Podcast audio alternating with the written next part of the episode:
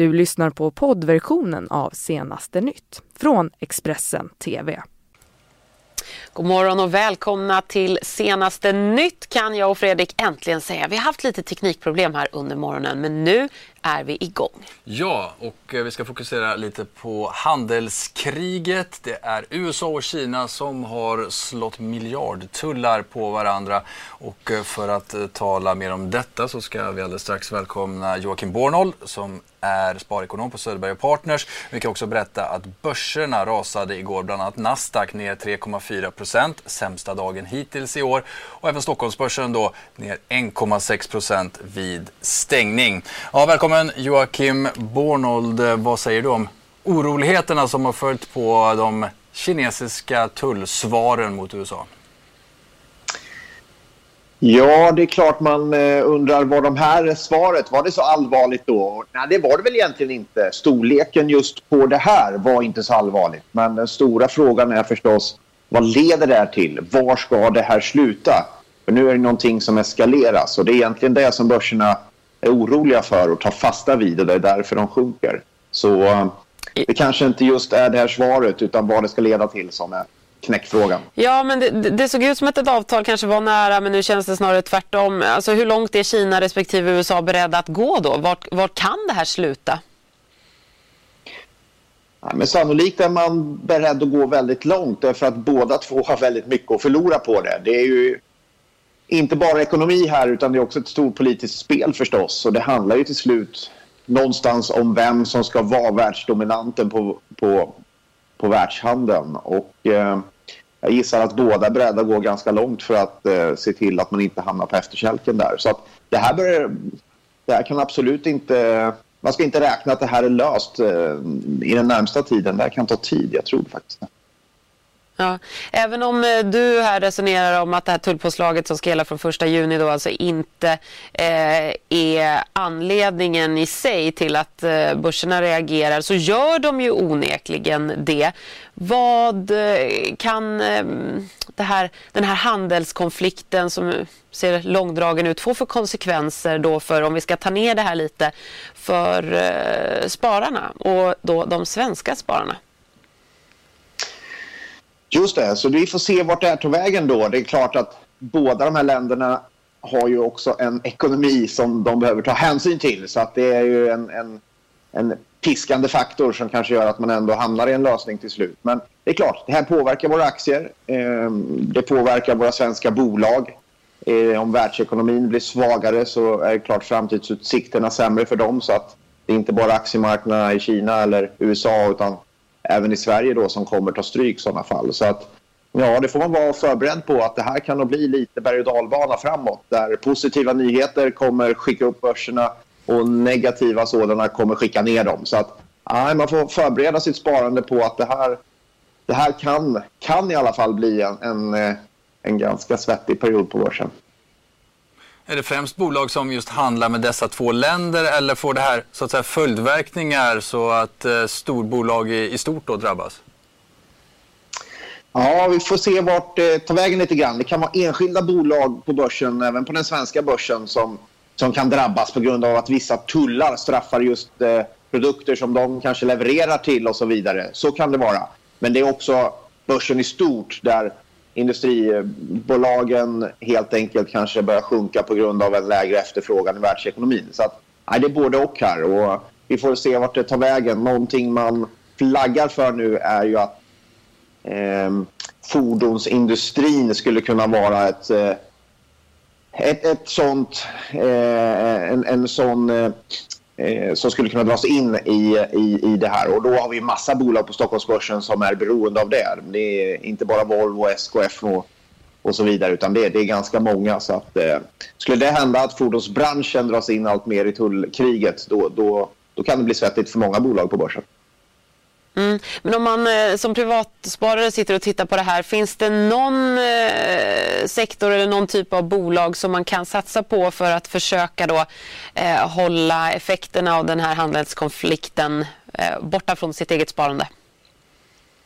Man brukar prata om mer eh, defensiva aktier. Det skulle kunna vara läkemedel eller livsmedelsbolag och så vidare. Men tror egentligen att blir det oroligt på börsen så kommer det drabba alla. Du får se till att ha en aktienivå eh, eller en andel aktier i ditt sparande som tål sånt här. För att det kommer till och från och vi kommer också komma till en lösning förstås på det här. Det är jag övertygad om. Mm, säger alltså Joakim Bornholm, sparekonom på Söderberg och Partners. Tack så mycket för att du var med oss i sändningen. Vi kommer under hela morgonen här bjuda på senaste nytt. Mm, det blir mycket mer nyheter alldeles strax här.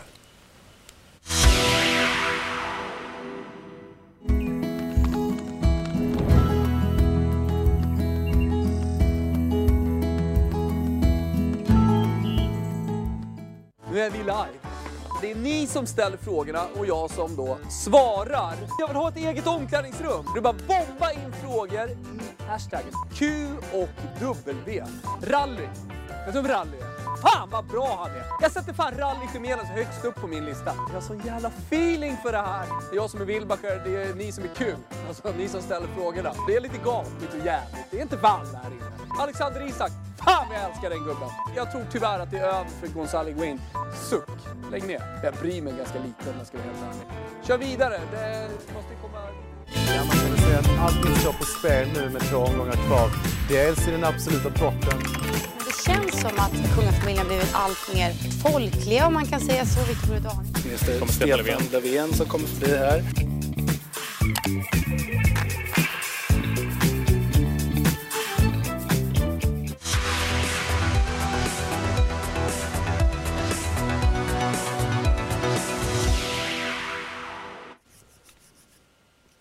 Tittar på senaste nytt med mig, Karin och min kära kollega Fredrik. Mm, det stämmer, vi kikar lite på hur den här sändningen ska se ut. Ja, Expressen avslöjar idag Mikael Skråmos svärmor på plats hos barnbarnen i Irak. Hon var tidigare IS-rekryt. Ett avtal mellan USA och Kina allt mer avlägset. Handelskriget är nu ett faktum och världens börser svajar. Kvällens semifinal blir ett haveri. Musikrecensent Anders Nunstedt sågar Eurovision-starten efter genrepet igår kväll. Så kan vi konstatera att polisen har inlett en förundersökning om allmänfarlig vårdslöshet efter att ett hyvleri utanför Garpenberg i Dalarna brunnit ner under natten. Mm, räddningstjänster från flera kommuner har hjälpt till i det här släckningsarbetet och i arbetet med att förebygga att branden skulle utvecklas till en skogsbrand. Än så länge finns det ingen misstänkt i ärendet. Så till en av våra huvudnyheter alltså. Under stort hemlighetsmakeri har den dödade IS-terroristen Mikael Skråmos svärmor Um Hamza varit i Erbil i norra Irak och besökt sina sju barnbarn och sin ex-make Patricio Galvez. Vi har ju tidigare rapporterat om hur Um Hamza då levde under två års tid i IS huvudstad Raqqa och hur hon även då försökt rekrytera kvinnor till den här terrorsekten. Här är bilder på den dödade IS-terroristen Mikael Skråmos svärmor Um Hamza.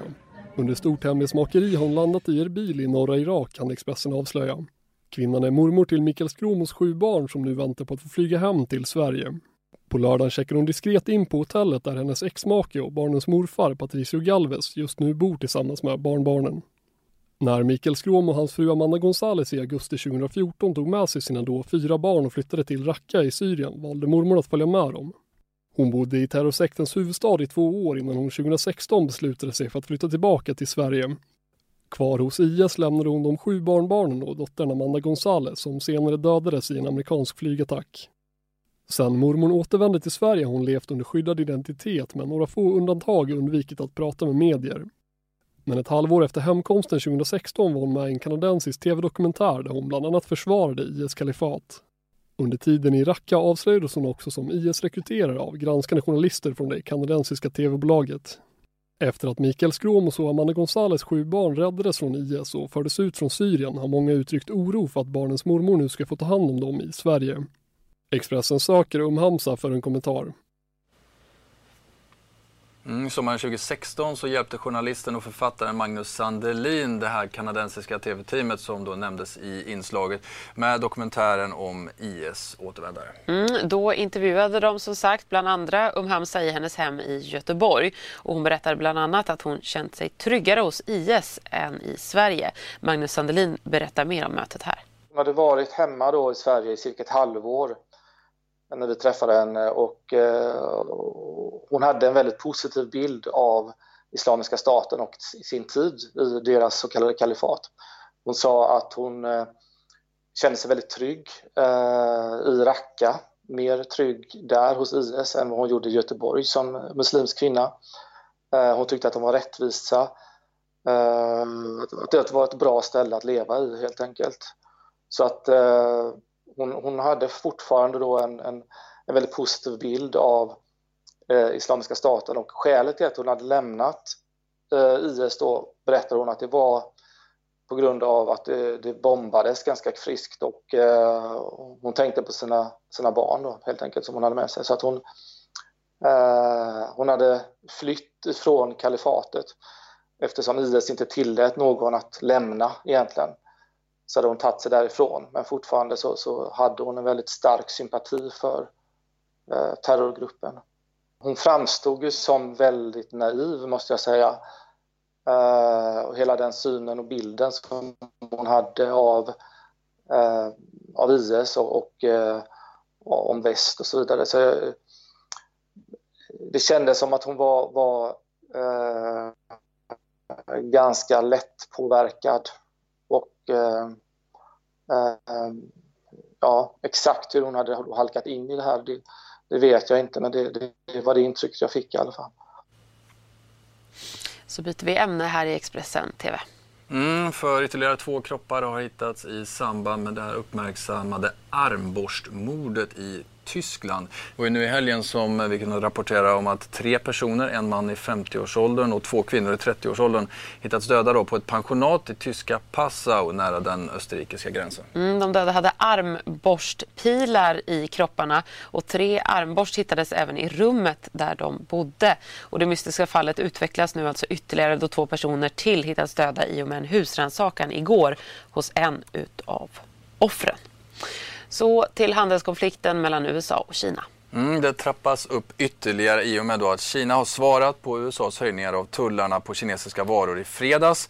Kina meddelade då att man djupt beklagade det amerikanska beslutet och att man skulle bli tvungna att svara på upptrappningen. Och igår kom det här svaret i form av höjda tullar från och med 1 juni till ett värde av 60 miljarder dollar. På måndagen meddelade Kina att de höjer tullarna på vissa amerikanska varor från den 1 juni. Tullarna berör produkter till ett värde av 60 miljarder dollar. Samtidigt uppger Global Times att Kina kan komma att minska köpen av amerikanska jordbruksprodukter och dra ner antalet order på Boeingplan. Beslutet kommer trots att Donald Trump tidigare på måndagen varnade Kina för motåtgärder på grund av USA-tullarna på kinesiska varor. Det var i fredags han beslutade att höja tullar på kinesiska varor till ett värde av 200 miljarder dollar. På måndagen skrev Trump på Twitter citat “Kina bör inte vedergälla, det kommer bara bli värre”. Slutcitat. Men så skedde alltså. Det är ett handelskrig som eh, blossade upp här under Donald Trump förstås, men har pågått ännu längre och det handlar förstås om dels tullar som finns och skydd som eh, kineserna har för att eh, skydda mot konkurrens i Kina. Eh, och USA som anser att man eh, helt enkelt eh, missgynnas av de här tullarna och, och har då svarat och trappat upp det här till ett krig. Egentligen för att tvinga kineserna och Kina till förhandlingsbordet. Och det är ju där man sitter nu och vi får se vad utgången blir av det. Beskedet om tullarna fick börserna på båda sidorna Atlanten att falla. I den inledande handeln efter beskedet från Kina föll USA-börsen brett.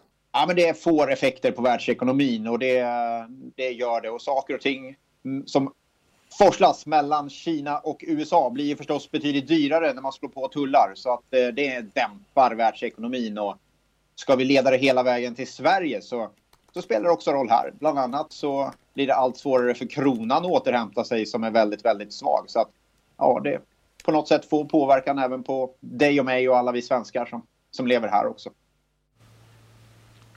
Och så här kommenterar USAs president Donald Trump den senaste utvecklingen. Out of the billions of dollars that we're taking in, a small portion of that will be going to our farmers because China will be retaliating probably to a certain extent against our farmers. We're going to take the highest year, the biggest purchase that China has ever made with our farmers, which is about $15 billion, and do something reciprocal to our farmers so our farmers can do well. Uh, they'll be planting, they'll be able to sell for less, and they'll make the same kind of money until such time as it's all straightened out.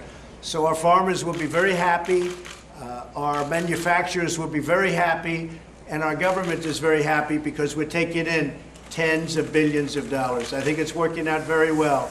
Again, we do much less business with China than they do with us. If you take a look at 100 billion versus 600 billion, and just so you understand, we don't have to pay any tariffs. If you're a manufacturer in this country, you pay nothing. Open your division or open up your product, have it made in this country as opposed to made in China. Ja, vi har också rapporterat om att börserna har reagerat kraftigt, eh, inte bara i USA och Kina utan även Sverige. Ja, precis. Eh, Stockholmsbörsen sjönk med 1,6 procent eh, vid stängning igår och även Asienbörserna påverkades negativt av det här. Så till en händelse i centrala Stockholm eh, igår kväll. En flicka i 15-årsåldern misshandlades nämligen av en vuxen man efter en trafikincident. Eh, det var inte i Stockholm, i Västerås. Mm. Det var en konflikt om eh, väj väjningsplikt mellan den vuxna bilisten och den 15-åriga flickan som då körde mopedbil. Det hela mynnade ut i att mannen körde ikapp henne, blockerade hennes framfart och skrek åt henne för att sedan misshandla henne, Fredrik. Mm, flickan ska inte ha behövt uppsöka vård men hon ska ha varit skakad efter den här händelsen. Och mannen han lämnade platsen innan polisen kom till platsen. Men det finns vittnesuppgifter så polisen har gott hopp om att man ska kunna hitta den skyldige där ska vi också ge er lite rapporter inför Eurovision för det drar ju igång idag kan man säga. Ja, det gör det och eh, vår musikkrönikör Anders Nunstedt han är kritisk efter att ha sett gårdagens eh, genrep av första semifinalen. Haveri, säger Starka han. ord. Ja, vi tar och lyssnar här. Ja, vi har sett fram emot en ganska blek semifinal. Det är alltså tio låtar som ska vaskas fram här nu och det är 17 som deltar. Det är inte ett eh, eh, pyttelitet nålsöga man måste ta i, eh, sig igenom för att liksom hamna i final den här kvällen. Eh, och det är väl tur det. Eh, för att det finns en del bidrag den här kvällen som alltså jag aldrig egentligen borde ha fått eh, komma hit och tävla i Eurovision. Och tyvärr är det inte den där typen av bidrag som är eh, roliga, att de är så kalkonroliga som man eh, viker sig dubbel och garvar, utan det är bara dåligt. Oh, herregud, och apropå dåligt då, eller vågar jag säga så efter måndagens rep, det startar i alla fall inte så bra. Nej, de har haft väldiga problem här i Israel med själva produktionen. Det var, det var inte bara öppningsakten, Netta, som fick ta om sitt nummer utan det var väldigt, väldigt mycket strul rent tekniskt och det har ju klagats bland ganska många delegationer på att eh, produktionen inte håller måttet. Nu vet vi ju inte, eh, det är nu först ikväll som det blir skarpt läge Eh, och allt ska sitta. Men eh, ja, det finns fog för en oro att det kommer vara ganska kackigt och struligt, så är det. Oh, herregud, en spännande kväll. Innan vi lämnar tillbaka till studion, vad, när ska man hålla ett extra öga ikväll? Ja, eh, håller man ett öga öppet när Hatari från Island kliver in på scenen då kommer man sitta med uppspärrande ögon i, i tre minuter för det är något helt eh, utöver det vanliga. De går in och kör liksom stenhård synt med distad sång. Och, eh, det liknar snarare liksom skräckfilmen Eurovision. Det är väldigt, väldigt bra. Mm, vi sätter ett litet varningsfinger där till alla barn. Och för den som ska kolla ikväll så får ni heller inte missa Anders Nunstedts getingbetyg direkt efter här i Expressen TV, på webben och såklart i papperstidningen. Senare här under morgonen så kommer vi också lyssna till intervju med Sveriges John Lundvik som alltså finns bland de favorittippade. Mm. Elinor och Anders har stenkoll där nerifrån. Det blir naturligtvis mer rapporter under kvällen när semifinal 1 drar igång. Sen mm. är det tvåan på torsdag. och vi ser fram emot lördagens stora haveri när det då är final. Du har lyssnat på poddversionen av Senaste nytt från Expressen TV. Ansvarig utgivare är Thomas Mattsson. Ett poddtips från Podplay. I fallen jag aldrig glömmer djupdyker Hasse Aro i arbetet bakom några av Sveriges mest uppseendeväckande brottsutredningar. Går vi in med hemlig telefonavlyssning och, och då upplever vi att vi får en total förändring av hans beteende. Vad är det som händer nu? Vem är det som läcker? Och så säger han att jag är kriminell, jag har varit kriminell i hela mitt liv men att mörda ett barn, där går min gräns. Nya säsongen av Fallen jag aldrig glömmer på Podplay.